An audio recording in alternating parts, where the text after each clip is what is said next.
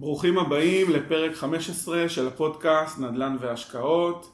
איתכם גם היום שוהם לוי, כלכלן לשעבר ועיתונאי לשעבר בכלכליסט וב Bizportal. והיום מלבד יריב פז, מנכ"ל ובעלים של Paz Group, איתנו היום מיכה מורצקי, רואה חשבון ומומחה למיסוי בארצות הברית. מיכה שלום. שלום רב, בוקר טוב. בוקר אור. אמ, אז כפי שאתם בטח מנחשים, מיכה כאן איתנו כדי לדבר על סוגיות של מיסוי נדל"ן בארצות הברית. ננסה לעשות באמת פרק עם הרבה מאוד ערך, שייתן לכם הרבה אה, טיפים איך להתנהל נכון, ולפני זה רק גם נדגיש שחשוב מאוד שכל אחד שמאזין לפרק הזה, לפני שהוא עושה איזשהו צעד, שיתייעץ עם אה, בעל מקצוע, אפשר גם, אה, יהיה אפשר גם להתייעץ עם מיכה. אה, פשוט מאוד חשוב בנושאים של מיסוי לא לעשות אה, צעדים פזיזים. אז אני בעצם, אני רוצה להתחיל גם עם איזושהי חדשה פה מישראל, שהממשלה החליטה ממש לאחרונה להפחית את מס הרכישה על דירות יד שנייה מ-8% ל-5% בלבד, כדי לעודד את המשקיעים וההשקעות. ההחלטה הזאת גררה הרבה מאוד ביקורת, כי בעצם הרבה מאוד אה, אנשים אמרו שבעצם ההחלטה הזאת מעבירה את הדירות של ישראל הראשונה לזאת של ישראל השנייה וכל אחד יכול להחליט מי זאת ישראל הראשונה ומי זאת השנייה. זאת אומרת שיש פה איזושהי העברה של הנכסים ממי שנפגע והעניים והמסכנים לעשירים והמשקיעים והכל אז את הדעה שלנו לגבי משקיעים אתם בטח מכירים שבעצם אנחנו חושבים ומאמינים פה שהמשקיעים הם, הם מייעלים את השוק, כל שוק, הם מספקים נזילות אז באמת זו דרך אחת אה, להסתכל על זה, אבל הדרך השנייה זה שללא משקיעים בעצם אין גם בנייה, ומשקיעים הם, הם חלק מה... הוא, ההון שלהם הוא בעצם גורם ייצור בשוק הנדל"ן, זאת אומרת ההון שלהם משמש את הקבלנים, משמש את השיפוצים, משמש את כל השוק בשביל לייצר עוד דירות. אז אה, נכון שאולי יש פה איזושהי בעייתיות, אבל יכול להיות שהממשלה קיבלה צעד, צעד מאוד מאוד נכון. אז אה, מיכה, אני רוצה לפנות אליך ולשאול אותך בעצם אה, איזה סוגי מיסוי יש בארצות הברית לעומת סוגי המיסוי שיש למשל ב- בישראל ו... ואיך בעצם הכי, הכי נכון אה, לתכנן אותם. אוקיי, okay. לגבי uh, סוגי המיסוי, אז נתחיל בהקדמה, לפני זה נציין שיש בעצם כמה רבדים למיסוי, שלוש רבדים, רובד ראשון זה המיסוי ברמה הפדרלית, אה, מיסוי ל-IRS, ל-Internal Revenue Service, היא בעצם מס הכנסה אמריקאי. לאחר מכן יש מיסוי ברוב המדינות בארצות הברית, אה, מיסוי ברמת המדינה, ויש גם מדינות שבהן יש מיסוי ברמת העיר. למשל מדינה כמו אה, ניו יורק, יש לה מיסוי הפדרלי, יש לה מיסוי המדיני, המדינתי ל New York State, ויש גם מיסוי ברמת ה city, ברמת העיר ב New York City. אם ניקח לדוגמה מדינה כמו פלורידה או ויומינג, בהם אה, אין אה, מיסים ברמת המדינה, אה, ככה שלפעמים נוצר, נוצר, נוצר, נוצרים מצבים שבהם כדאי להשקיע במדינות בהם אין מיסוי מדינתי. בהמשך לגבי שיעורי מס וסוגי מיסים, אז כמו בארץ יש מיסים שקשורים להכנסות משכירות, כמו בארץ, ובארצות הברית אין הקלות לגבי שיעורי המס משכירות כמו בארץ, בעצם ממסים אותך לפי מדרגות מס שוליות שלך בארצות הברית. לאחר מכן יש אה, מיסוי רווח הון, זה מה שאתה מעוניין לממש את הנכס, למכור אותו.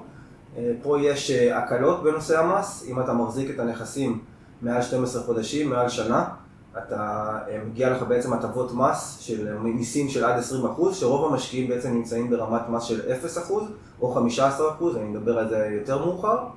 ומיסים נוספים, יש מיסי ארנונה פה בארץ, מיסי עירייה וכדומה. אלה בגדול סוגי המיסים שיש בארצות הברית. ארצות הברית היא, היא מאוד, אני תמיד אומר למשקיעים שארצות הברית היא מאוד ידידותית מבחינת uh, מס uh, בהשוואה לישראל. האם אתה גם חושב כך? ואם כן, אז איך, איך זה בעצם בא לידי ביטוי בזה שכל ההוצאות הן בעצם מוכרות? בוא, בוא, בוא נתרכז רגע בשכירות. איך בדיוק מחשבים, אתה בתור רואה חשבון, איך אתה עושה בדיוק את החישוב אה, למשקיע מבחינת הכנסה משכירות? כמה הוא משלם בארצות הברית? אוקיי, okay, אז בעצם כל הוצאה שנועדה אה, לתפעל את הנכס, אה, לשמור עליו, על המצב שלו, אה, להביא סוחרים וכדומה, אה, היא הוצאה מוכרת. גם הוצאות טיסה לארה"ב, אם אתם טסים לראות את הנכס, לטפל בנכס, להיפגש עם ה-management property, עם המנהל של הנכס, כל ההוצאות האלה הן הוצאות מוכרות. מלון? מלון, יש גם, בנוסף למלון, גם הוצאות אשל, כאשר אמריקאים, יש להם בעצם הוצאה שנקראת פר דיאם, שזה בעצם מאפשרים לך האמריקאים מאפשרים לך לא, לא לשמור קבלות וחשבוניות, אתה נוסע לארה"ב, לראות את הנכס, אתה לא צריך לאסוף את החשבוניות, הם אומרים אוקיי, נסעת לניו יורק, אנחנו יודעים פחות או יותר מה רמת המחיה שם, מה יוקר המחיה, אנחנו נותנים לך הוצאה למרות שלא לא, לא, לא, צריך לאסוף חשבוניות ולהראות לנו. הוצאה קבועה למלון, לאוכל, אה, בלי לשמור חשבוניות.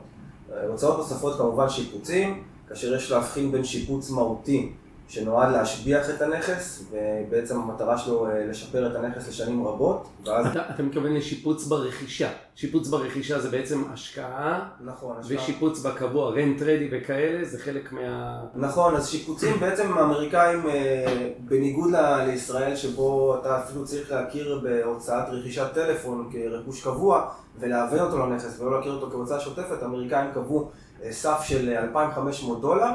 אם ההוצאה היא 2,500 דולר, אתה יכול להכיר אותה באופן שוטף בנכס, אתה לא צריך להוון אותה. אם היה שיפוץ יותר מהותי כמו תיקון גג ב-10,000, 20,000 דולר, אז את זה אנחנו לא נוכל להכיר. אה, אז יש הוצאות שיפוצים לפני, בזמן הרכישה של הנכס, וגם אה, לאחר מכן, אם צריך לעשות אה, שיפוץ, לתקן אמבטיה, לתקן מדרכה וכדומה. maintenance. maintenance. אוקיי. בקיצור, האמריקאים יותר ליברליים, יותר פתוחים בנושא הכרת הוצאות. כל מש... רוב, רוב ההוצאות שקשורות לנכס מותרות בניכוי, צריך לשים לב לגבי אה, קורסים, קורסי נדל"ן, אה, שאם זה קורס מהותי שבעצם יוצר לך יתרון מתמיד, אז את הקורס עצמו אי אפשר להבן לנכס, אי אפשר להכיר כהוצאה שוטפת, אפשר להבן לנכס. אוקיי, okay. אם נניח משקיע משלם לי ליווי עבור רכישת הנכס, זו הוצאה מוכרת. מוכרת, כן. גם אם אני יושב בישראל. נכון. גם אם זה כתוב בעברית? אוקיי, אז, אז בוא נראה אם הבנו נכון. כי אני תמיד אומר את זה למשקיעים, אבל אני לא רואה חשבון, אז בואו נעשה רגע סיכום. רכשנו נכס, שיפצנו אותו, אה, אה, שילמנו ליווי למי שצריך. כל ההוצאות האלה הן הוצאות רכישה, נכון? נכון. יופי. נניח וכל זה עלה לי 100 אלף דולר. זה 100 אלף דולר שעד שאני לא מחזיר את ההשקעה של ה-100 אלף דולר אני בעצם לא משלם מס? בעצם אתה מדבר איתי על המכירה. זאת אומרת, צריך להפריד בין ההכנסות שיהיו לך בשוטף, כהכנסות משכירות, קנית את הנכס, השכרת אותו, ההכנסות משכירות חייבות במס. נכון, אבל בהכנסות במס, כשאתה עושה את החישוב הזה, אתה בעצם מתייחס גם לרכישה, לא? נכון, כשאני מתייחס, בעצם אתה רכשת את הנכס. רכשתי אותו ב-100 אלף דולר. רכשת אותו ב-100 אלף דולר, אז בעצם זה לא הוצאה, זה השקעה. נכון. על ההשקעה הזאת אתה יכול לקבל מה שנקרא הוצאות פחת. מה זה פחת? פחת בעצם הנכס, הבניין. מאבד מהערך שלו, כמו, בדיוק כמו ברכב, ושיעורי פחת קבועים, אמריקאים קבעו שיעור פחת של 3.6%, בעצם אתה מפחית את הנכס על פני 27 וחצי שנים, 3.6% לשנה מלאה, שזה בעצם הוצאה שבפועל לא יצאה ממך, אבל אתה יכול להכיר בה כהוצאה מוכרת בדוחות המס כהוצאות פחת. צריכים לה, להבין שמפרידים בין הקרקע לבניין, בדרך כלל ההפרדה מתבצעת על ידי 20-80, כלומר 80% מהערך של, ה, של, ה, אה, של הרכישה אה, מהוון או משוייך לבניין ו-20% משוייך לקרקע, כאשר מפחיתים רק את החלק שקשור לבניין, כי יוצאים מתוך הנחה שערך הקרקע הוא תמיד עולה או נשאר באותו אה, סטטוס. אוקיי, okay. בוא נתרגם את כל מה שאמרת לעברית, בסדר? לשפה, מה שנקרא עמך. אם אני מבין נכון, השקעתי בנכס 100 אלף דולר, כולל הכל. אתה בא ואומר, מתוך ה-100 אלף דולר, שם הם מתייחסים רק ל-80 אלף דולר, נכון? 20 אלף דולר הלכו בעצם, מבחינת הפחת. נכון, מבחינת הפחת. יופי.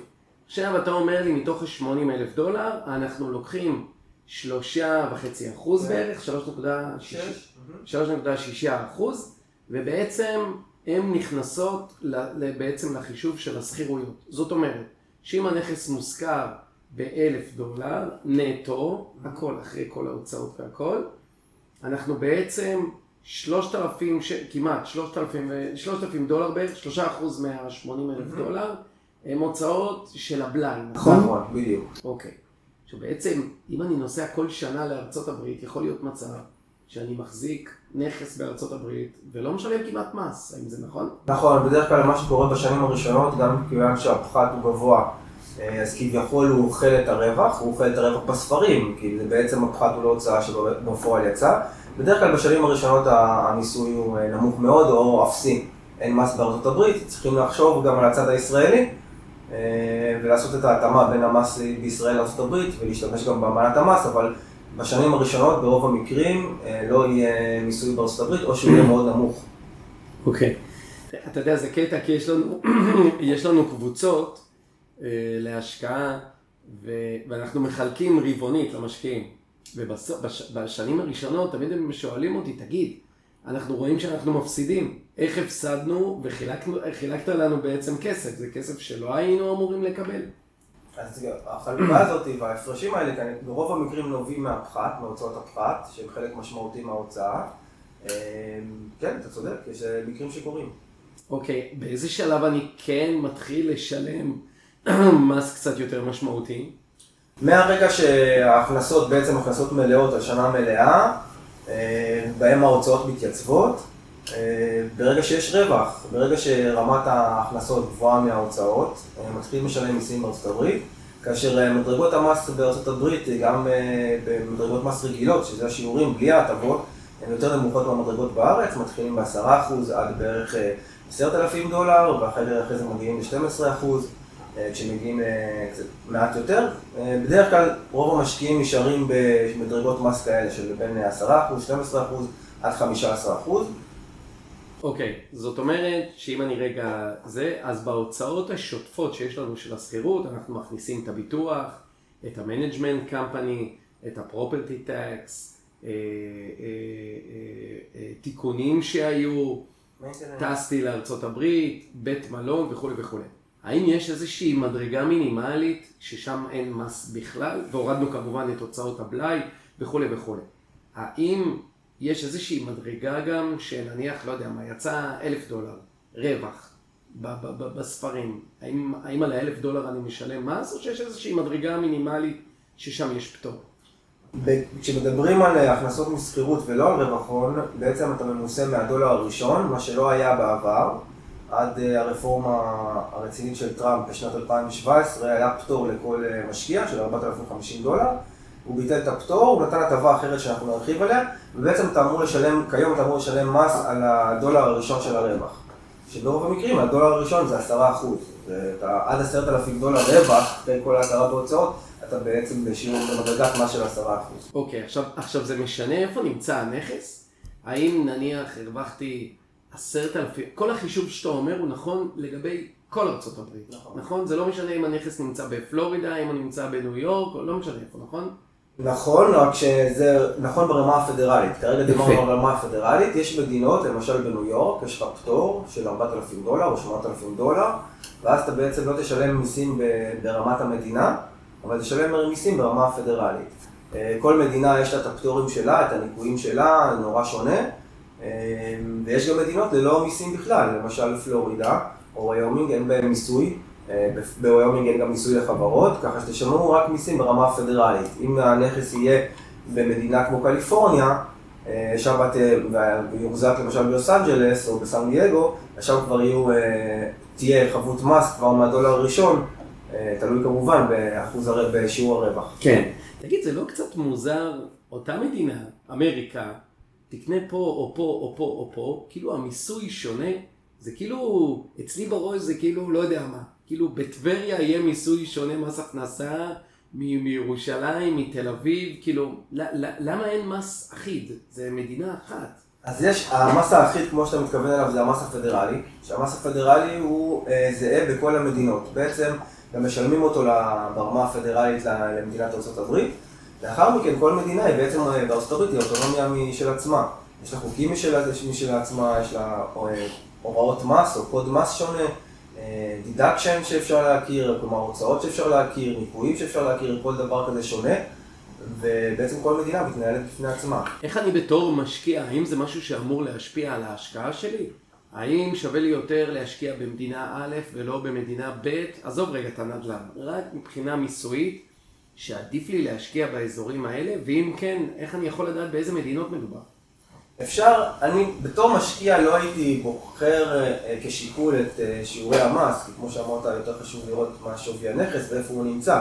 אבל יש מדינות שכדאי לשים להם לב לדעת שפשוט יש אה, מיסוי, כמו שאמרתי בהתחלה, בכמה רבדים, ואם אתם רוצים לחסוך במס, אז כדאי למצוא מדינות שאין בהן מיסוי. מצד שני, אם אני מסתכל על זה בראייה יותר כוללת, אז צריכים תמיד לחשוב שבארץ כתושבים אה, ישראלים, אתם תצטרכו להשלים אה, או לשלם מיסים נוספים בישראל, ככה שגם אם בארצות הברית לא שילמתם אגורה, נגיד שבחרתם מדינה שאין בהם מיסים, ונגיד שהגעתם לרמת אה, מס מאוד מאוד נמוכה או שולית בארצות הברית, עדיין תצטרכו לשלם מיסים בארץ על הרווחים, אם היו רווחים. אז לבחור את, ה, את ההשקעה לפי מדינה בה יש מיסוי או אין מיסוי, אני לא חושב שזה השיקול העיקרי. אוקיי. Okay. אוקיי. אז, אז דיברנו עד עכשיו לגבי שכירות, נכון? בעצם הסברנו מה החישוב לגבי שכירות, נכון? נכון? אמרנו ההשקעה 80 אחוז, אה, ששם זה כולל כל מה שקשור להשקעה. לוקחים את כל השכירות נטו במהלך כל השנה, אחרי שהורדנו את כל ההוצאות וכולי וכולי, עשינו שלושה אחוז, שלושה וחצי אחוז מהשמונים, הפחתנו את כל ההוצאות, הגענו למספר ואז יש את המדרגות מס, עד עשרת אלפים דולר, אה, אה, משלמים עשרה אחוז, שזה בעצם די מינורי, נכון? נכון? אני יכול להעיד על עצמי שבשנים הראשונות לא שילמתי, והיו שנים ששילמתי עשרות דולרים כאילו בודדים, ולא החזקתי נכס או חצי נכס, הכמות קצת הייתה יותר אה, גבוהה מזה, אז זה כאילו, באמת אמריקה היא מאוד ידידותית מבחינת מס. נכון, כן, הרבה יותר ידידותית מישראל. אה, הטבות מיסוי, שיעורי מס, יותר, אה, מדרגות מס יותר מרווחות. אה, כמו שאמרנו, אפשר להכיר ביותר הוצאות, כן, היא יותר ידידית למשקיע, אין ספק. והנכסים גם הרבה יותר זולים וכדאיים בתור השקעה. אוקיי. בוא נדבר על מס נוסף, שזה רווחי הון. אם תוכל להסביר לנו את הנוסחה, איך זה בדיוק עובד, איך, איך אתה בדיוק מחשב בשפה הכי פשוטה שיכולה להיות, ואם לא, אז אני אנסה לתרגם את מה שאתה אומר לשפה טיפה יותר פשוטה. אבל קנינו נכס ב-100, נניח, הרווחנו 20 אלף דולר שכירות, ועכשיו מכרנו את הנכס ב-130. Okay. אוקיי. אז בעצם על השכירות מקודם עשינו את החישוב, עכשיו מה אנחנו עושים עם ה-30 אלף דולר, איך זה בדיוק עובד? אז בעצם קנינו נכס ב-100, אנחנו כרגע נתעלם מנושא הפחת, כי כמו שאתם זוכרים, הפחת הוא מוריד את שווי הנכס, לכן אם הנכס עלה 100 אלף דולר, נגיד שאני הפחתתי אותו על פני שלוש שנים, ונגיד שהפחת היה 10,000 דולר לצורך אה, הקלה בחישובים, אז יש לנו כרגע נכס ששווה 70 אלף דולר בספרים. היה 100 אלף, הפחתנו 30, הוא כרגע שווה 70 אלף דולר. אני אעצור אותך, הפחתנו 30 בגלל שהפחתנו 20 למרכיב הבניין. מרכיב הקרקע, נכון. אז נשאר 80, ועכשיו עברו שלוש שנים, שכל שנה זה שלושה וחצי, שלוש נקודה שישה אחוז, אז הגענו למספר 70 אלף דולר, נכון? כן, נניח שכן, במספרים, 70 אלף דולר, מכרנו את זה עכשיו ב-130, אז בעצם החישוב הרווח יהיה ממחירי מכירה של 130, בניכוי העלות המופחדת לאחר הפחת, שזה 70, אז יש לנו פה רווח של 60 אלף דולר. על הרווח הזה אני צריך לשלם מיסים בארצות הברית, עכשיו השאלה לאיזה תקופה החזקתי את הנכס. כמובן שהאמריקאים רצו לתת הטבה להחזקת הנכסים בתקופה ארוכה, אז אם אתה מחזיק את הנכס, לא רק כנדל"ן דרך אגב, גם מניות, מעל 12 חודשים, מעל שנה, אתה זכאי לשיעורי מס מוטבים. מה שיעורי מס המוטבים? זה כבר לא מדרגות מס שוליות שלך, יש לך או 0 אחוזים, אם הרווח הכללי שלך, אם ההכנסה הכללית שלך, כולל הרווחון, זה עד בערך 38 אלף דולר, לאחר מכן יש 15 אחוז, אם הרווח הכולל שלך מגיע עד 460, עד 470 אלף דולר, ולאחר מכן, המדרגה הבאה, המדרגה האחרונה זה 20 אחוז. אם הרווח שלך הוא מעל 470 אלף דולר בערך. אז אה, גם... מעל 470 אלף דולר על הנכס הספציפי או בטוטל? בטוטל. בטוטל. אוקיי. כי בעצם ה... עוד פעם, עוד פעם, אתה יכול לחזור, סליחה, כן. זה. תחזור שוב על המדרגות, אני לא, לא בטוח שהבנתי כי... כי אני אומר למשקיעים, וכנראה אני טועה ומטעה, אני אומר להם 25% מס רווחי הון, זה לא נכון? זהו, זה בארץ. זה, כרגע דיברנו רק על הצד okay. אוקיי. האמריקאי, שצריך לזכור, כמו תמיד לזכור שבארץ תמיד צריכים להשלים מס. בצד האמריקאי להרבה משקיעים בארצות הברית, הם לא עוברים במכירה את הרווח של ה-40 אלף דולר או את ה-38 אלף דולר, אוקיי. הם לא משלמים מיסים בארצות הברית בכלל, אין מס, 0% מס. עד 40 אלף דולר. כן, זאת אומרת, קניתי בית ב-50, פחת עניינים כאלה, מכרתי אותו ב-90, אין מס. נכון.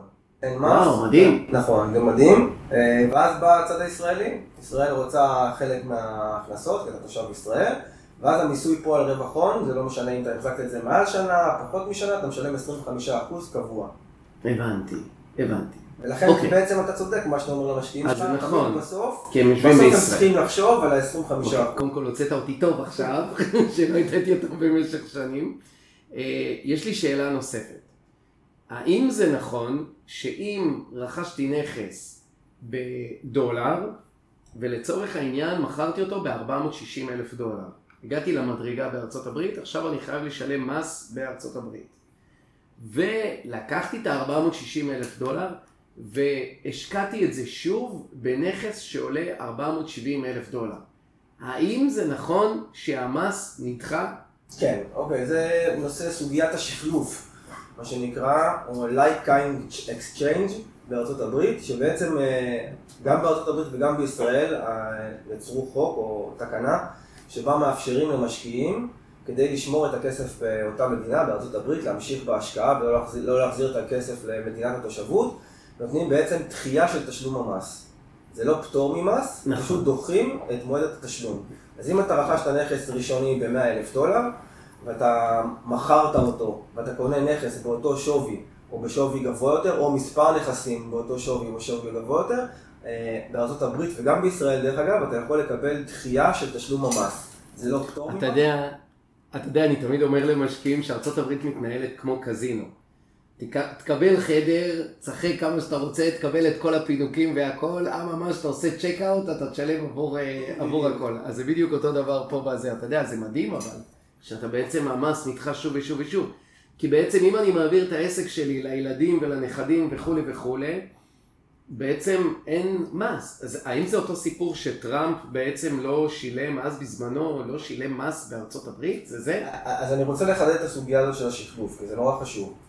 צריך להבין שהשחלוף תקף רק באותה מדינה שהנכס נמצא בה. הרי ישראל לא תסכים לתת הטבות מס למשקיעים שרוצים להמשיך ולהשקיע בארצות הברית. אז יש פה בעצם גם בעיית מס.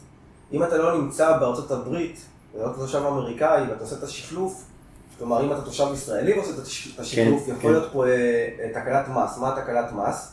בארצות הברית ידחו לך את המס, אבל בארץ לא. אה, ואז בארץ אני אשלם 25 אחוז? ואז בארץ תשלם 25% ולא יהיה לך מול מה לקזז גם את המיסים בארצות הברית, כלומר תשלם 25% מלא, ואז שתבוא למכור את הנכס בפועל ולא להשקיע מחדש בארצות הברית, תשלם גם את המיסים בארצות הברית. אז יכול להיות פה אירוע של כפל מס, מכיוון שמדינת ישראל לא. תכיר, לא, תכיר, לא תכיר בשחלוף בארצות הברית, וארצות הברית לא תכיר בשחלוף בישראל. הבנתי. האם אני יכול לקחת את כל הדבר הזה, סביב המשפט הזה שהתחלנו איתו, שמשקיע ישראלי יודע שבגדול הוא משלם 25 אחוז, גם בישראל וגם בארצות הברית, וזהו? בנושא המכירה, כן. בנושא מכירת נכס שאתה מחזיק אותו מעל אה, שנה, אה, אתה צודק. הבנתי. אוקיי.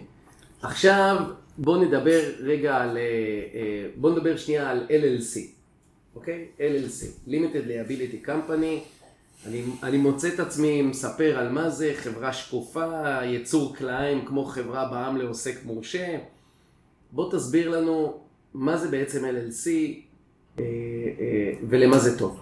אוקיי, אז LLC בעצם זה גוף, ישות משפטית אה, בארצות הברית כמו חברה, כמו שציינת, Limited Liability Company, אה, כאשר הדיפולט של ה-LLC, המצב הראשוני מבחינת המיסוי, זה שבארצות הברית היא בעצם חברה שקופה, גוף שקוף, שכל ההכנסות עולות, כל ההכנסות והרווחים עולים למשקיע עצמו, לדוח האישי שלו.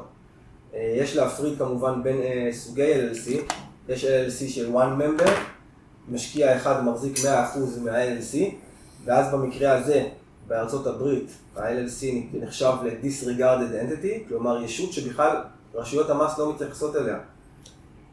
רשויות המס לא מתייחסות אליה, ומבקשים בעצם מהמשקיע להגיש דוח יחיד, דוח 1040NR זה נקרא, בעצם דוח מס 1040 ל-non-resident, ואין התייחסות ל- לרמת ה-LLC, אני ארחיב מה, אחרי הרפורמה של טראמפ, לא קשור לרפורמה של טראמפ, סליחה, אני ארחיב מה קרה אחרי 2017, אבל זה במצב שמישהו מחזיק 100% מ-LLC, גוף שקוף. יש מצב בו יש לך multi member, LLC, שיש לך ביותר משני משקיעים, ואז ה-LLC הופכת להיות כבר partnership, שותפות. אה, גם ה partnership, גם השותפות היא בעצם גוף שקוף, ההכנסות וההוצאות והרווחים עולים למשקיע, ואז יש מיסוי ברמת היחיד. צריך להבין שעד אה, חוזר אה, 2004 של מס הכנסה, אה, ה- סוג הישות הזאת, LLC, מתייחסים אליה בישראל כישות אטומה, כמו חברה בע"מ. אה, החוזר 2004 של מס הכנסה בארץ בא לפתור הרבה בעיות של אה, לקונות מס שנוצרו בגלל המצב הזה של אי ההתאמה בין אה, מיסוי של ישות LLC בארצות הברית למיסוי בישראל, והם נתנו אופציה להשקיף, להפוך את ה-LLC לשקופה, בעצם לגוף שקוף בישראל, ואז שסוגי המיסוי, או לפחות הנושאים של זיכויים וקיזוזים, יהיו זהים בארץ ובישראל. תגיד, צריך LLC או לא צריך LLC? אוקיי, אז מהשלב הראשון, התשובה הראשונית היא אומרת שכן, צריך LLC. למה? ה-LLC מגינה עליך מבחינה משפטית. מפני מה? מפני תביעות של סוחרים, אה, אם אה, החזקת את הנכס והייתה שם תקלה בחשמל וחלילה אה, נשרף או נשרף הבית או מישהו התחשמל והסוחר רוצה לתבוע אותך, אז הוא תובע את ה-LLC, ה-LLC זה גוף מבחינה משפטית, אומנם מבחינת מיסוי זה גוף שקוף, אבל מבחינה משפטית זה גוף אטום, זה כמו חברה בע"מ, אז הוא יתבע את ה-LLC ומה שיכול לקרות בדרך כלל זה שהם ייקחו את הנכס שנמצא או את הנכסים שנמצאים בבעלות ה-LLC, אבל הם לא יבואו לישראל ויעקדו לך את הרכב או יתבעו אותך אישית. אוקיי, אז זה מה שאני תמיד אומר למשקיעים, ואז הם אומרים לי, תגיד, אבל יש ביטוח. נכון, אבל אז השאלה איזה סוג ביטוח, האם זה ביטוח שאתה מבטח את הנכס, או שזה ביטוח אחריות אה, כלפי הסוחרים, בדרך כלל הביטוח אה, זה ביטוח של הנכס עצמו, הוא לא מבטח אותך כלפי צד ג', צריך באמת לראות איזה סוג ביטוח ושאין פה איזה כפל. הבנתי, ואם יש לי ביטוח אה, צד ג', שבעצם, אה, אה, לא יודע מה, אה, תיקנתי את הגג והגג נפל על הדייר והוא מת, הביטוח לא מכסה את זה במידה ויש לי צד ג', הוא עדיין יכול גם לתבוע אותי? אה, יכול, הוא יכול לתבוע אותך, השאלה מה רמת הביטוח שלך, אם הביטוח יכול לכסות את, ה, את הנזקים שנגרמו לו. אוקיי. אבל אין פה, אין פה מצב של, אה, של הפרדה בינך לבין הסוחר. במצב שיש LLC או חברה, אז יש הפרדה מלאה. אוקיי. כל איש מקצוע שאני אשאל אותו, בין אם הוא רואה חשבון לבין עורך דין, יגיד לי, צריך LLC נקודה, נכון? כדי לא לקחת איזשהו סיכון. כן, אה, כדי להימנע מהסיכונים עדיף LLC, למרות שעוד פעם יש ל-LLC גם דיפולטס, אה, במיוחד אחרי הרפורמה ב-2017. דיפולט נובע במיוחד מהנושא שצריך להגיש דוחות נוספים. אה, דוחות אינפורמטיביים בדרך כלל, אם זה one member LLC, ודוחות של שותפות אם זה מולטי ממבר, שזה הופך את ההשקעה, אה, או מבחינת מיסוי, את הכנת הדוחות לקצת קצת יותר מורכבים. הבנתי. אוקיי. כמה עולה לפתוח אה, LLC וממה זה מורכב? כי נניח במדינת ניו יורק זה עולה אלף דולר, באוהיו 400 דולר, בכל מקום כנראה זה עולה מחיר אחר. למה? נכון, אז כל מדינה היא, כמו שציינו בהתחלה, היא אוטונומית בפני עצמה, יש לה חוקים משלה, הוראות משלה, וכמובן גם תעריפים משלה. למשל בפלורידה, כדי לפתוח LLC, אתה יכול לעשות את זה ב-125 דולר, אה, אתה עושה את זה אונליין, אה, ובעצם הקמת חברה תוך אה, חצי שעה. בניו יורק זה הרבה יותר מורכב, אתה צריך ליצור, אם אתה רוצה לפתוח LLC, אתה צריך ליצור publication, אתה צריך ליצור אה, בעצם הודעה לציבור, לפרסם את ה-LLC בעיתונות. ולכן אה, יש לזה עלות נוספת יותר יקרה, וגם ניו יורק היא מדינה יותר יקרה, אז העמלות בה גם לפתיחת אה, עסקים וגם לפתיחת חברות הן יותר גבוהות ממדינות יותר זולות, או. פחות יקרות. אז כל מדינה בעצם אה, קבעה לה את החוקים שלה איך לפתוח, אה, איך לפתוח ומה העלות לפתיחת LLC, למשל במדינה כמו אלבמה, אה, עיקרון הפתיחת LLC הוא הרבה יותר מורכב, מורכב מבחינה טכנית. צריך ממש, ממש שיהיה מישהו אה, לשופט ויגיש לו את המסמכים והשופט צריך לחתום, וזה לא אונליין, זה כבר הופך את הפתיחה לקצת יותר מורכבת, צריך להיעזר עם מישהו שנמצא בארצות הברית. כמו, אז כל מדינה והתעריפים שלה והחוקים שלה והאופציות לפתיחת LLC או חברות. אוקיי, אפ- אפרופו מדינות, מה, מה יש בדלוור הזה? כולם מדברים על דלוור, תפתח LLC בדלוור, דלוור, מה, זה, זה, זה, זה, זה מדינה עבריינית שלא משלמים שם מס, מה, מה הסיפור של דלוור? זה היה נורא נפוץ פעם, בעבר, היו פותחים אה, LLC וחברות בדלוור. היום זה כבר פחות אה, רלוונטי, זה יותר רלוונטי לחברות באמת, לחברות היותר אה, גדולות, מה-500, שבהם פשוט בדלוור יש הקלות, הם יותר טולרנטיים ויותר באים לקראת בעלי המניות. כלומר, החוקים שם, החוקים, החוקים המדינתיים, יותר עוזרים לבעלי המניות. אה, מול, אה, מול נושים או אנשים אחרים. בגלל זה הרבה אנשים היו פותחים אה, חברות או LLC בדלוור, אבל היום, היום כבר פותחים LLC בכל מדינה, והרעיון היותר חשוב, העיקרי יותר חשוב הוא איפה נמצא הנכס. אם הנכס נמצא בפלורידה, עדיף שה-LLC תהיה בפלורידה, מכיוון שאנחנו לא יודעים האם החוקים של פלורידה תקפים לחוקים של אוהיו. למשל, אם יש לך נכס בפלורידה ופתחת LLC באוהיו, אני לא יודע אם החוקים של אוהיו יגנו עליך מפני תביעות, או מפני... אה, אה, לא רק זה, אולי גם תשלם מס פה ופה גם, לא? נכון, אז יהיה לך... כפל מס, אז אין בזה היגיון. לא לא, זה לא יהיה כפל מס כי ה-LLC, יהיה לך בעצם מיסוי של עמלת מדינה על ה-LLC באוהיו. באוהיו במקרה אין לה עמלת מדינה שוטפת, אבל אתה תשלם מיסים באיפה שנמצא הנכס, זה גם המקור, זה זה גם אחד העקרונות החשובים שלא עברתי עליהם, בעצם איך, איך בוחרים מי זכאי למס, האם ישראל, האם ארצות הברית, אז בעצם אה, באמנה בין ישראל לארצות הברית בסעיף, אה, בסעיף 4 יש אה, קביעה שזה קשור לאיפה נמצא הנכס, המדינה שבה נמצא, כן. נמצא הנכס, לה מגיע אה, זכות הראשונים למיסוי. וככה גם בין המדינות בארצות הברית. אם הנכס נמצא בפלורידה ופתחת LLC באוהיו, כן. אז פלורידה במקרה הזה אין לה באמת כן, מיסוי מדינתי, אבל ניקח את ניו יורק, אז ניו יורק תשלם את המס בניו יורק, ותשלם עמלות אה, במדינת אוהיו, בגלל שה... בקיצור אין בזה היגיון, ה-LLC צריך להיות באותה מדינה שבה נמצא הנכס, כן, נכון? כן, למרות שאין בזה מניעה גם לפתוח LLC שתחזיק אה, נכסים בכל המדינות. אוקיי, מי פותח את ה-LLC? האם זה רואה חשבון? האם זה עורך דין? האם זה... מי, מי, מי פותח? איך זה גם? רואה חשבון, ויש גם חברות חיצוניות שיכולות לפתוח לכם את ה-LLC. אה, בדרך כלל רואי חשבון ועורכי דין פותחים. אוקיי. האם יש מיסוי שונה? כל מה שדיברנו עד עכשיו במיסויים, דיברנו מיסוי על מס רווחי הון, דיברנו על מיסוי משכירות, דיברנו על כל הדברים האלה. האם יש הבדל בין אם אה, אה, אני מחזיק לבד בבית, לבין אם אני חלק מקבוצה, יש הרבה משקיעים ישראלים שהם משקיעים בקבוצה, מה שקראת מקודם, partnership. האם המיסוי פה הוא פלוס מינוס אותו דבר ויש איזה שהם שינויים? אתה יכול... כן, אז יש, ברמה כללית אין שינוי בין אם אתה מחזיק את הנכס על שמך הפרטי, אם אתה מחזיק אותו בבעלותך, אלא אם אתה מחזיק אותו ב-LLC שאתה one member, שאתה הבעלים היחיד, או ב-LLC שזה multi member, שזה partnership, שבעצם אתה נמצא, אתה חבר, אתה member, ביחד עם עוד עשרה או חמישה עשר איש. ברמת המיסוי, גם ברמה המדינתית וגם ברמה הפדרלית, אין הבדל. איפה כן יש הבדל?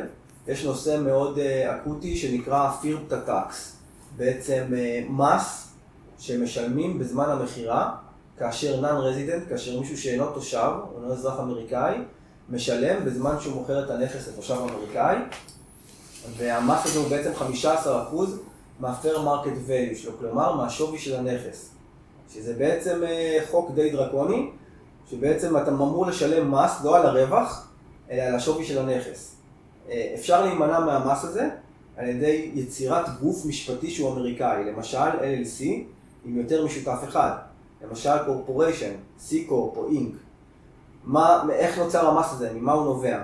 כדי למנוע מצבים שבהם אנשים שהם לא אזרחים אמריקאים, לא תושבים אמריקאים, לא ימכרו את הנכס, ייעלמו עם הכסף ולא ישלמו מיסים בארצות הברית.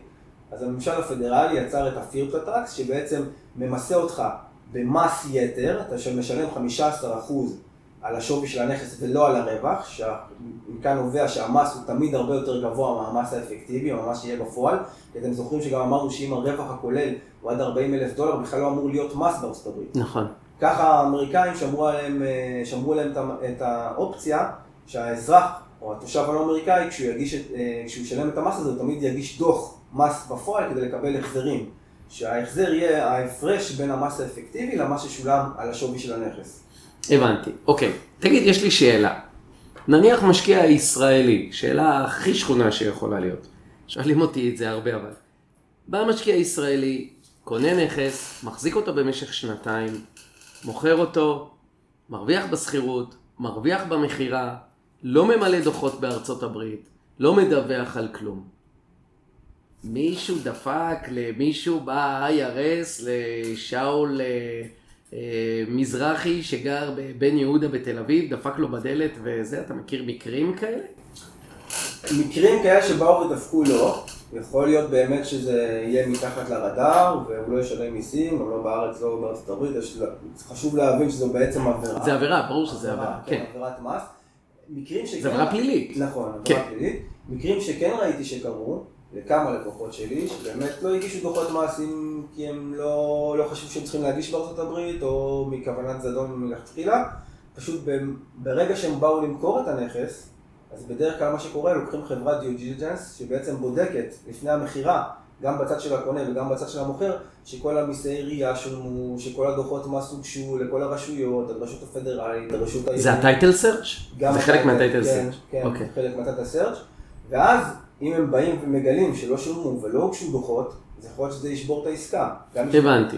אבל אם כבר מכרו הכל, מה שנקרא, אין, לא השאירו אחריהם עקבות. אז, אז עכשיו השאלה, אנחנו חוזרים לשאלה איך הוא החזיק את הנכס. אם הוא החזיק את הנכס בדרך LLC 100% או על שמו הפרטי, סיכויים טובים שניכו לו 15% מה fair market value וירצה להגיש דוחות. אמ. שאם פתאום יתחיל להגיש דוחות בפעם הראשונה, יכול להיות שזה יקפוץ ב-IRS או במדינה, רגע, מה, זה הדוח הראשון, קנית ומכרת באותה שנה, יכול להיות שזה ידליק נורה אדומה, ויכול להיות גם שזה יעבור חלק, כן. ולא יקרה כלום. הבנתי. ואם הוא החזיק את זה דרך, אה, דרך שותפות, מולטי ממבר, והוא לא הגיש דוחות בעבר, אז סיכויים טובים ש... שזה גם יהיה מתחת לרדאר. צריך להבין שברגע שאתה מרגיש את זה דרך מולטי ממבר, ואתה בעצם תושב זר שמחזיק בחברה אמריקאית, אז שוב פעם האמריקאים יצרו להם מנגנון שמטילים את חובת ניכוי מס במקור, על זה אני ארצה להרחיב אה, יותר מאוחר. נכון, רציתי לשאול אותך את. השאלה הזאת. זה המקדמות? בדיוק, יש כאלה שקוראים כן. לזה מקדמות. אתה, אוקיי. אתה יכול להסביר באמת על המקדמות כי, כי הם משלמים את זה, אני כמנהל הקבוצה משלם את זה עבורם, ואז הם מקבלים צ'קים בדואר. מה. קורה שם בתוך המערבל הזה? זה בדיוק אותו מנגנון כמו הפירטו טאקס. שימו לב, זה שוב פעם מנגנון שנועד למנוע מצב בו משקיעים זרים ישקיעו בארצות הברית ולא ישלמו מיסים ולא יגישו דוחות. איך המנגנון הזה עובד? מטילים את חובת הניכוי מס במקור על, על הגוף האמריקאי, על מי שאפשר לאכוף. הרי אם אתה פותח LLC בארצות הברית. אז ה-LLC הוא גוף אמריקאי, כמו אזרח אמריקאי. חייב כן. להגיש כל שנה דוחות מס בארצות הברית, ומזה אי אפשר להתחמק, כי האמריקאים יודעים שהוא קיים, פתח אותו בארצות הברית. אז האמריקאים אמרו, אוקיי, יש לי פה גוף אמריקאי, נקרא לזה אדם אמריקאי, אני מטיל עליו אחריות של ניכוי מס במקור בשיעורים מקסימליים, ושימו לב, שוב פעם, כמו בפירטה טאק, שזה שיעור מס של 15% מה fair market value, פה מטילים שיעור מס בשיעורים מקסימליים, כלומר, אם זה הכנסות משכר דירה זה 37%, ואם הכנסות מרווח הון זה 20% בשיעורים המקסימליים, ואז הם יוצרים מצב שהם ניכו למשקיע, ה-LLC, הגוף שבו הם השקיעו, מנכים לו מס מהרווחים במקור, בשיעורים מקסימליים, ומאלצים בעצם את אותו משקיע לבוא ולהגיש דוחות ולקבל החזרים. בין, ומה ההחזר הזה? ההחזר הוא ההפרש בין המס האפקטיבי בפועל שיכול להיות 10% לבין 37% ו-20%. כן. או שאמרנו במ- במקרה של השנים הראשונות שזה יכול להיות גם כלום. כן. אז הם מקבלים בעצם את הכל בדואר. כן, הם מקבלים, מקב- אם יש הפרש בין המס האפקטיבי למס ששולם, הם יקבלו צ'ק בדואר, אם יש להם חשבון בנק, הם יוכלו להגיש דוח, חשבון בנק אמריקאי, על שמם הם יוכלו להגיש דוח אמריקאי ולבקש את ההחזר לחשבון הבנק האמריקאי. הבנתי. אוקיי. אתה עושה גם דוחות למשקיעים בישראל? כן, אוקיי. אז עד עכשיו דיברנו על ארצות הברית ודיברנו על ה-25% במס רווחי הון. אה, יש גם מס בישראל על השכירות, נכון. נכון? יש, נכון. שיש בעצם שני מסלולים. נכון, יש שני מסלולים בישראל, יש את המסלול שנקרא המסלול המקוצר, בעצם מסלול שבו יש הטבה שאתה משלם מס בשיעור קבוע של 15%. אה, מהברוטו. מהברו... זהו, אז אני אגע בנושא, אתה משלם 15%, אתה יכול לעשות את זה גם בלי להגיש דוח בכלל בארץ, בלי לפתוח תיק, אתה מקבל שוברים ומשלם את המס, אבל צריך לשים לב שה-15% זה 15% כמעט מהברוטו, מההכנסה ברוטו, בלי הוצאות. למה? כי ההוצאה היחידה שמותר לך להכיר בה זה הוצאות פחת. הוצאות פחת, כל ההוצאות האחרות, management fees, אה, מיסי עירייה, תיקונים, החזקה, לא מוכרות, וגם אם שילמת מיסים בארצות הברית, למרות שיש אמנה, אתה לא תוכל לקזז את המיסים בארצות הברית מול המיסים בארץ. איך המדינה יודעת כמה הברוטו?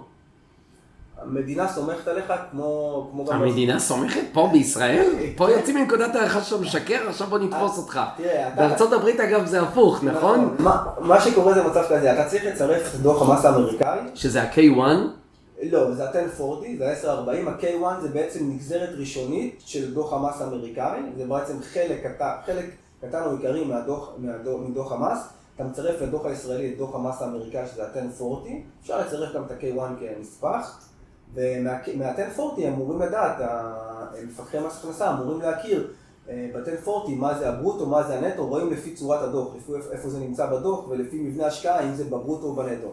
אתה שואל אותי אם באמת המפקחים יודעים בדיוק מה קורה, אולי כן, אולי לא, זה אני לא יודע. כן. אבל אפשר, אפשר לזהות את זה די, בן אדם בעל מקצוע שמבין במיסוי אמריקאי, יכול לדעת אם ההשקעה הייתה בברוטו או בנטו. לפי סוג המסמכים, לפי איפה זה נמצא בדוח, הוא יכול לדעת. הבנתי. אוקיי. תגיד, מרכז החיים, מה הסיפור של מרכז החיים, מה שהיה בעצם אה, אה, לבר רפאלי, איפה היא חיה? האמת שגם לי, אתה יודע את זה, אתה עושה לי את הדוחות, אני במרץ אה, אה, טסתי לארצות הברית, הייתי שמה, האם אני משלם מס בישראל, לא בישראל, מה זה קשור לתושבות?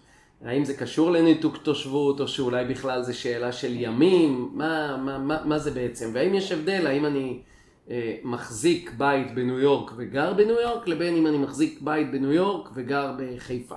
כן, אז אה, מבחני מרכז בעצם מבחני תושבות. מבחני התושבות בארצות הברית ובישראל מזהים במהות, יש את מבחן התושבות, מה שנקרא, המבחן המהותי, שבעצם בו אה, מבררים איפה מרכז החיים שלך, האם עברת לארצות הברית עם הילדים, האם נרשמת לבתי ספר, האם אתה מחזיק דירה על שמך, איזה סוג ויזה, על איזה סוג ויזה נסעת, האם יש לך green card או אין לך green card, איפה, אה, איפה הקשרים החברתיים שלך וכדומה. כל אחד מהנושאים האלה יעזור לבחון איפה באמת נמצא מרכז החיים שלך, וברגע שקובעים, או ברגע שרוב ה, רוב הנתונים מראים שמרכז החיים הוא למשל בניו יורק, אז אתה הופך להיות תושב ניו יורק, צריך לוודא אם אתה באמת ניתקת תושבות גם בישראל. זה המבחן המהותי שלו, שבוחנים בעצם את המהות של, כן. של הפעילות שלך או איפה שגרת. ויש את המבחן הכמותי, שהוא מבחן מספרי, שבו, שבו בעצם סופרים ימים. בארצות הברית אם אתה נמצא מעל 183 ימים, חצי שנה. כן, חצי שנה, יש חישוב שהוא בעצם 30 ימים, לפחות 30 ימים, או ה-30 ימים הראשונים, או הימים שהיית בשנת מס הראשונה, שליש מהימים שהיית בשנה השנייה, ושישית מהשנה השלישית, אם זה בעצם 183 ימים, אתה תושב בארצות הברית, ואז צריכים לבדוק מבחני תושבות בכל מדינה, כי גם כל מדינה, אתם זוכרים, בכל מדינה יש מבחני תושבות אחרים.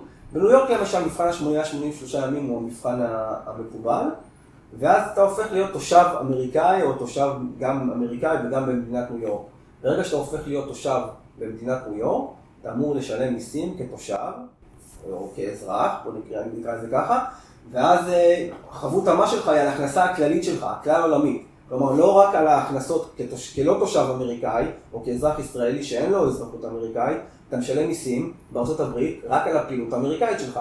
אתה לא, לא ימסו אותך ל-106 על ההכנסות שלך כשכיר, על ההכנסות שלך מהבנקים בארץ, ואין לך דיווחים נוספים על חשבונות הבנק בארץ, או על החברות שלך בארץ, אבל ברגע שאתה הופך להיות תושב אמריקאי או אזרח אמריקאי, אתה צריך לדווח על כל ההכנסות הלאומיות שלך, גם אם בישראל, גם אם בשוויץ, גם אם בצרפת. יש פה שיקול משמעותי, צריך לבחון, בגלל זה הרבה, הרבה דוגמניות, הן באמת משחקות עם מספר הימים, הן נשארות מספר ימים מסוים בארצות הברית, חוזרות לעיר המולדת כן, שלהן. אבל תגיד, אי אפשר, אי אפשר, נניח במקרה של בר אה, רפאלי, כן, אנחנו לא, לא, לא מבינים אה, בפרטים ולא כלום. מה הבעיה פשוט לראות בדרכון כמה ימים היא הייתה פה וכמה ימים היא הייתה שם, וזהו, למה צריך לראות שהיא שכרה דירה, לא שכרה דירה, דרכון, מתי באתי, מתי הלכתי. בגלל זה, כמו שציינתי, יש שני המבחנים. המבחן הכמותי, שבעצם אתה סופר ימים. ויש את המבחן המהותי. עכשיו, המבחן המהותי בדרך כלל הוא הרבה יותר אה, אה, כבד, כי אתה יכול, אתה יכול לומר למשל שהקשרים שלך האמיתיים הם יותר במדינת ישראל.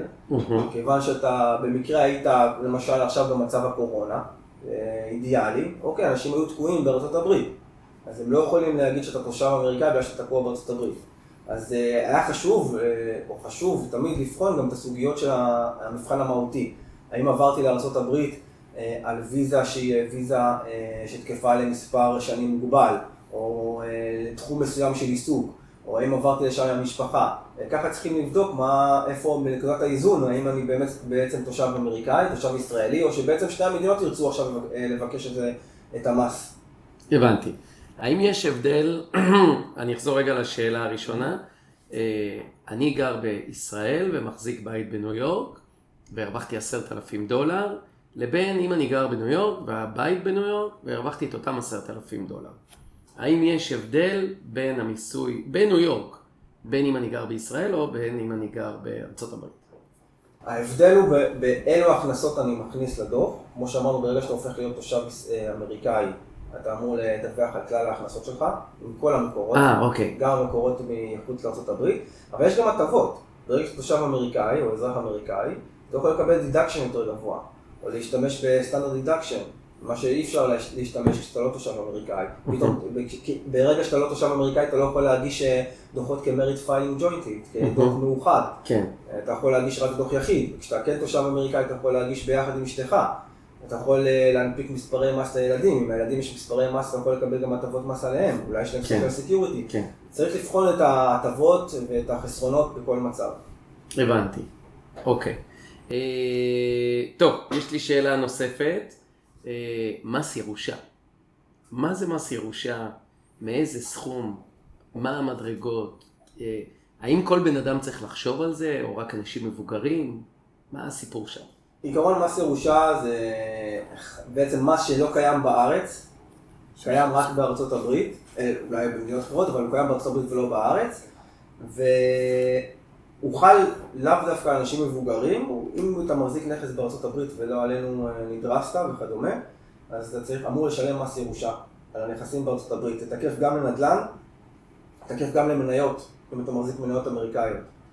אה, המס מתחיל ב-18% ומסתיים ב-40%, כשאתה מגיע לשווי נכס של, 40, של מיליון דולר, אתה משלם 40% מס, ושוב פעם, המס פה הוא לא על הרווח, אם תמכור את הנכס, הוא מס על השווי של הנכס. באותו רגע. באותו רגע, נכון. כלומר... מאיזה סכום? זה מכל סכום? זה מאפס? מכל סכום, כן. לא, אני הבנתי מ-60 אלף דולר, לא? נכון, סליחה, טעות שלי. יש, יש, ראית? תיקנתי אותו. יש פטור, לגמרי. יש פטור למי שהוא לא תושב אמריקאי, כן. הוא לא אזרח אמריקאי, הפטור הוא 60 אלף דולר. כלומר, אם הנכס היה שווה 100 אלף דולר ביום הפטירה, אז יש לך פטור של 60 אלף דולר, נשאר לך לשלם מס על 40 אלף דולר. שימו לב לאזרחים אמריקאים, בפועל, green card holder למשל לא נכנס להגדרה הזאת, יש לו פטור הרבה יותר גבוה, הפטור הוא כרגע 11.5 מיליון דולר. אז רוב האמריקאים אה, רגילים, אנשים פשוטים, אין להם בעצם מס עיזבון, מס ירושה. אה, לעשירים יותר, יש דרכים אחרות לעקוף את זה, יש דרכים לעקוף את מס הירושה שנדבר עליהם אם תרצו בהמשך, אה, אבל זהו, זה מה שצריך לתת עליו את תשומת הלב. שלא יקרה פה אה, תקלת מס. אז איך בעצם, אה, האם אפשר, אמרת בהמשך, אז הנה, המשך הגיע, mm-hmm. איך, אה, איך נמנעים מזה? אם נניח סתם, אני, האם, נניח, לא יודע מה, מישהו מאוד מאוד מבוגר, האם הוא יכול, אני סתם זורק רעיון, לפתוח LLC עם הבן שלו, והאב חלילה קרה לו משהו, האם האמריקאים יכולים לדעת מזה או לא לדעת? פשוט אולי הבן ימשיך, לשים אותו ב-LLC או... כאילו, איך, איך זה בדיוק קורה? איך המדינה בארצות הברית יודעת שהבן אדם נפטר בישראל? באופן עקרוני שוב, אם אה, זאת עבירה פלילית, עבירת okay. אוקיי. מס, אם אתם לא מדווחים ואתם לא שומעים את המס. אוקיי, צריך לדווח. צריך לדווח, צריך לדווח בזמן הפטירה, LLC גם לא יגן עלינו מפני מס עיזבון, צריך אה, בעצם אה, סוגי ישויות אחרות, כמו חברה. לחברה אה, מסוג חברה זרה, שהיא לא אמריקאית. ובמקרה הזה, אתה שואל אותי אם יגלו או לא יגלו, יכול להיות שבמקרה של אב ובן לא יגלו, כי יעבירו את הבעלות של ה-LLC מהאב לבן, בלי שיהיה אירוע מס, בלי שאף אחד ידע, אה, אבל יש פה בעצם אה, עבירה על החוק. כן, הבנתי. זאת אומרת שאין בעצם דרך להתחמק מזה. יש, יש דרכים לעקוף את מס העיזבון. אחת מהדרכים זה לבטח את עצמך בביטוח חיים. Mm. אתה עושה ביטוח חיים, אתה בא לחברת הביטוח, אתה אומר להם, יש לי, אה, או שיש לך ביטוח קיים ואתה מרחיב אותו, אומר, יש לי נכסים בשווי של 400 אלף דולר, אני רוצה לבטח לעצמי, ובקרות המקרה, אם חס וחלילה קורה לך משהו, ונפטרת לה, אז חברת הביטוח תשלם לך את הפרמיה, ועם הפרמיה הזאת תשלם את המיסים. זה אחד מהאופציות לעקוף את מס הירושה, מס העיזבון. אופציה אחרת, אה, לפתוח גוף שהוא לא חברה אטומה מסוג אה, חברה בע"מ, שהיא לא אמריקאית. יכולה, בדרך כלל אם אתה משקיע ישראלית, תפתח חברה ישראלית, וברגע שחברה ישראלית מחזיקה בנכס בארצות הברית, או מחזיקה ב-LLC שמחזיק בנכס בארצות הברית, יצרת לך בעצם בלוקר, חוסם, שחוסם אותך, שחוסם מפני uh, מס עיזבון. כי אי אפשר להטיל מס עיזבון על חברה שהיא לא על חברה אמריקאית, על מניות של חברה שהיא לא אמריקאית, אי אפשר להטיל מס עיזבון. זו אופציה לגמרי פתרון. הבנתי, אוקיי. תגיד, אם אני, אה, נניח יש לי חברה בעם בישראל, ואני רוצה לרכוש נכס בארצות הברית, האם שווה לי לרכוש את זה על החברה בעם, שהחברה בעם תחזיק ב-LLC, או על שמי בלבד, לא, לא בתור החברה? מה העדיפות פה? אז אני תמיד אומר למשקיעים שזה תלוי בגובה ההשקעה. אם אתם הגעתם... 100 אלף דולר. 100 אלף דולר, על 100 אלף דולר לא הייתי פותח אה, חברה בישראל. לא, לא, לא, לא. החברה בעם בישראל פתוחה. פתוחה. נניח יש לי עסק שלא קשור. יש, יש פה שיקולי מס, כי ההטבה שאתה מקבל מפני הגנה מפני מס עיזבון ברגע שאתה פותח חברה ישראלית, היא טובה מפני, מאוד מפני מס העיזבון, אבל היא יוצרת לך בדרך כלל, אם יש רווחים, יוצרת לך חבויות מס שוטפות יותר גבוהות אם היית מחזיק את זה במישור האישי. נכון שטראמפ הוריד את מס חברות אה, בארצות הברית מ-35% ל-21%, זו הטבה משמעותית, אבל עדיין 21% זה יותר מס מ-10% או 15%. אז בשוטף אתה אמור לשלם יותר מיסים ברמת החברה, ולאחר מכן, אם תרצה להיפגש עם הכסף, למשוך אותו חזרה הביתה, או תשלם מס דיבידנד.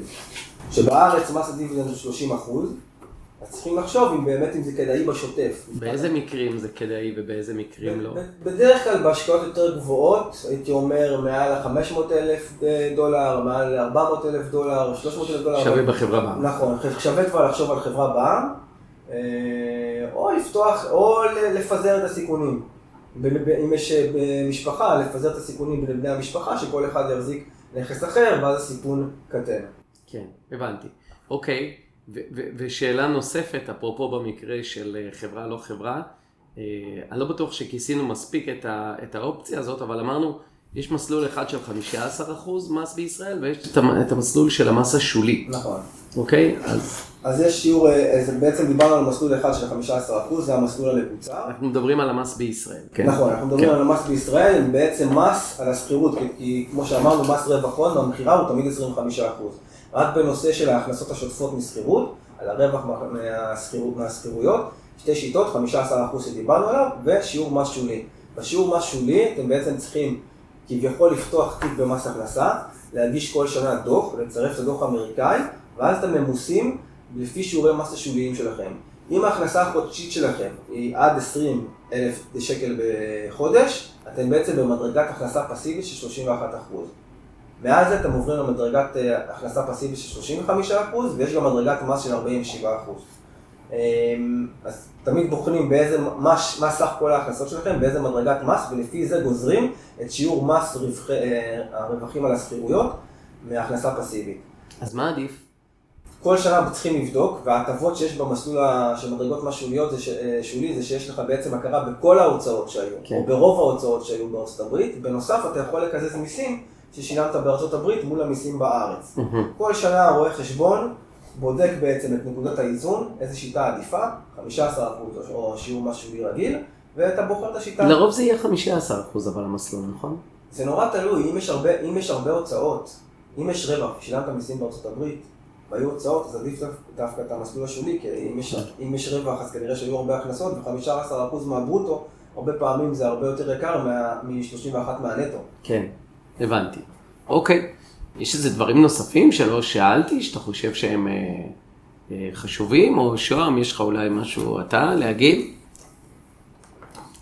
אז באמת אה, הייתי בצד כל הפרק והקשבתי לשיחה המאוד מאוד מעניינת שלכם. אה, נראה לי שזה פרק שכל אחד ישמע אותו לפחות פעמיים בשביל להבין את כל הסוגיות.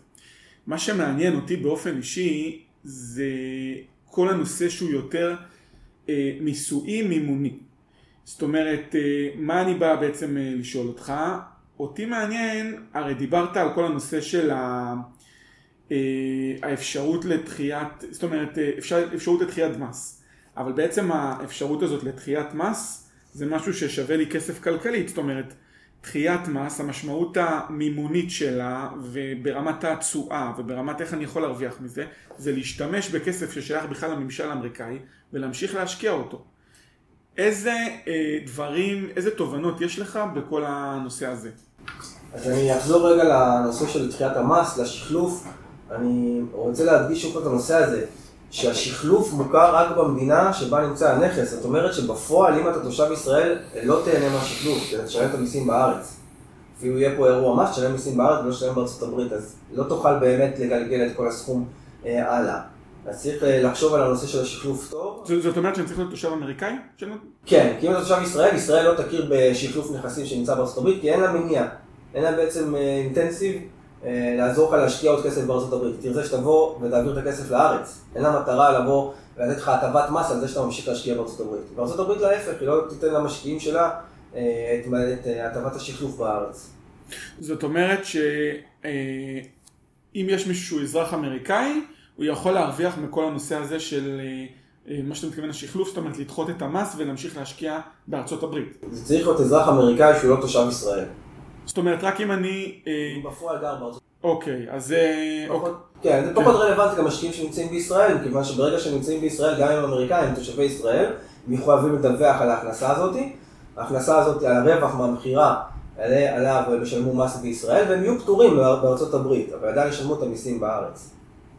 אוקיי, ויש עוד איזה שהן אה, הטבות כלכליות או, או כל מיני רעיונות איך בצורה חוקית אפשר לחסוך במס ולהשתמש בכסף הזה להשקעות ולהגדיל את התשואה?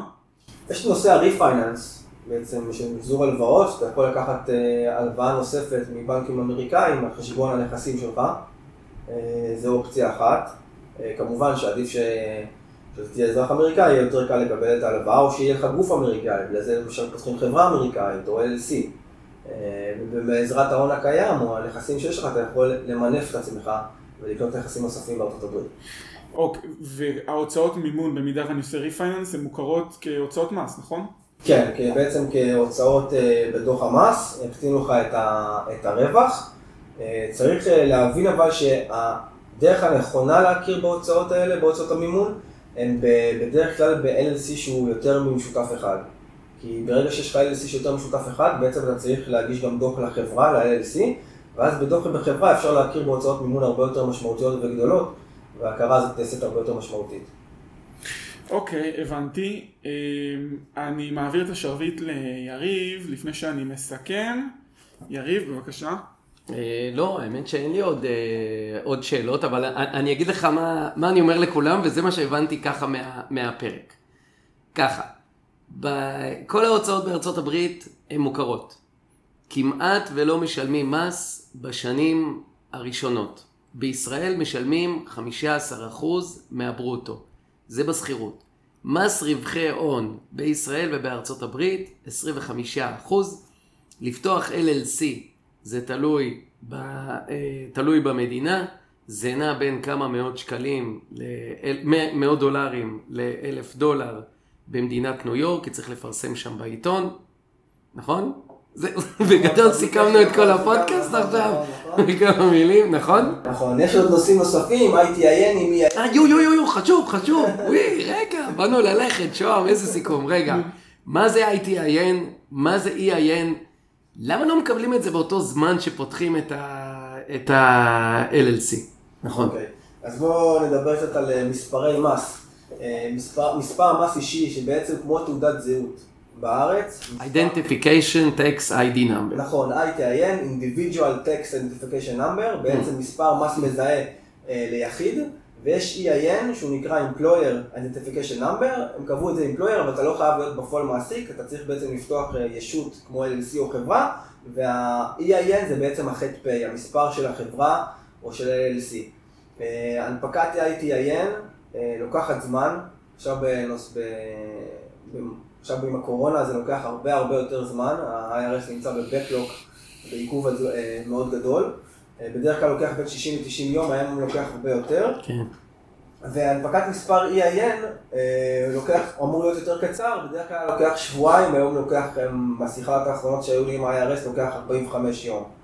אה, אז אלה שני מספרי המס שצריכים אה, לזכור, אה, מספר ליחידים, מספר לחברות, אה, שבלעדיהם אי אפשר בעצם אה, להתחיל פעילות בארצות הברית. נכון. דרך אגב, עוד דבר, אה, שאי אפשר לחבר למשקיע, אם הוא קונה בית, אי אפשר לחבר אותו ליוטיליטיז, לחשמל ומים וכולי וכולי, אם אין את, ה, נכון, אין את המספרים, נכון. את המספרים הללו. אי אפשר לרשום אותו בעירייה למשל. אוקיי. אה, ועוד דבר, agent, ל-LLC, נכון? הרי צריך שיהיה לו... register agent, ר- נכון. בדיוק. כל, כל מדינה בארצות הברית מחייבת אותך שתהיה לך, ברגע שאתה פותח ישות מסוג חברה או LLC, מחייבת אותך שיהיה לך שם כתובת, כתובת לקבלת דואר, מכיוון שהם לא רוצים שתבוא תגיד להם אני גר בישראל, או קיבלתי דואר, נכון. לא הגיעו המכתבים, לא- אז זה בעצם, אתה צריך לפתוח, בדרך כלל פותחים כתובת וירטואלית. וירטואלית, 100 דולר בשנה, נכון? נכון, 100 דולר בשנה, אתה מקבל אה, כתובת וירטואלית, ברגע שמגיע הדואר, סורקים לך את המסמכים לאתר האינטרנט, אתה נכנס עם ו-login information אה, ומקבל את המכתבים הסרוקים. אה, יש גם אופציה להשתמש בחברות ניהול, ב management company, שהם יהיו ה-register agent. אוקיי. זהו, אני סחטתי ממנו את כל המידע האפשרי. אה, שוהם, אם יש לך... שמחתי להיסחט. כן. לא, לא, זה פרק שהוא מאוד, אה, מאוד אה, שימושי. כל פעם שואלים, אין יום שלא שואלים אותי על הזה, אני פשוט אשלח את הלינק הזה, ו- וזהו, י- יחסוך לי גם המון זמן. אז מיכה, אני חושב שבעצם באמת נכנסנו ממש לעומק לכל הנושא של המיסוי נדל"ן בארצות הברית, ובעצם אני רוצה שאנשים שמעוניינים לשאול עוד שאלות יוכלו לפנות אליך, יוכלו להגיע אליך, אז אם אתה יכול לציין את הכתובת המייל שלך, מספר טלפון, אתר אינטרנט. כן, בטח, בשמחה. אה, אז הכתובת המייל שלי זה מיכה, M-I-C-H-A, שטרודל את פזטקס.com. פזטקס זה P-A-Z-T-A-X נקודה קום. אה, הטלפון שלי הוא 0544-914-236, אה, אתר אינטרנט m.moretsky LLC, אה, ואשמח לשמוע מכם, אה, לענות לשאלות נוספות במידה ויש. מיכה, תודה רבה, יריב, תודה רבה, היה לנו פרק ממש מעניין בנושא, בנושאים של מיסוי, ותמשיכו להאזין ולעקוב אחרינו, גם בקבוצת מאחורי הקלעים של יריב פז, גם בעמוד אה, הפייסבוק אה, יריב פז יועץ נדל"ן, באתר אינטרנט שלנו, אה, פז גרופ, ותודה רבה, להתראות. תודה.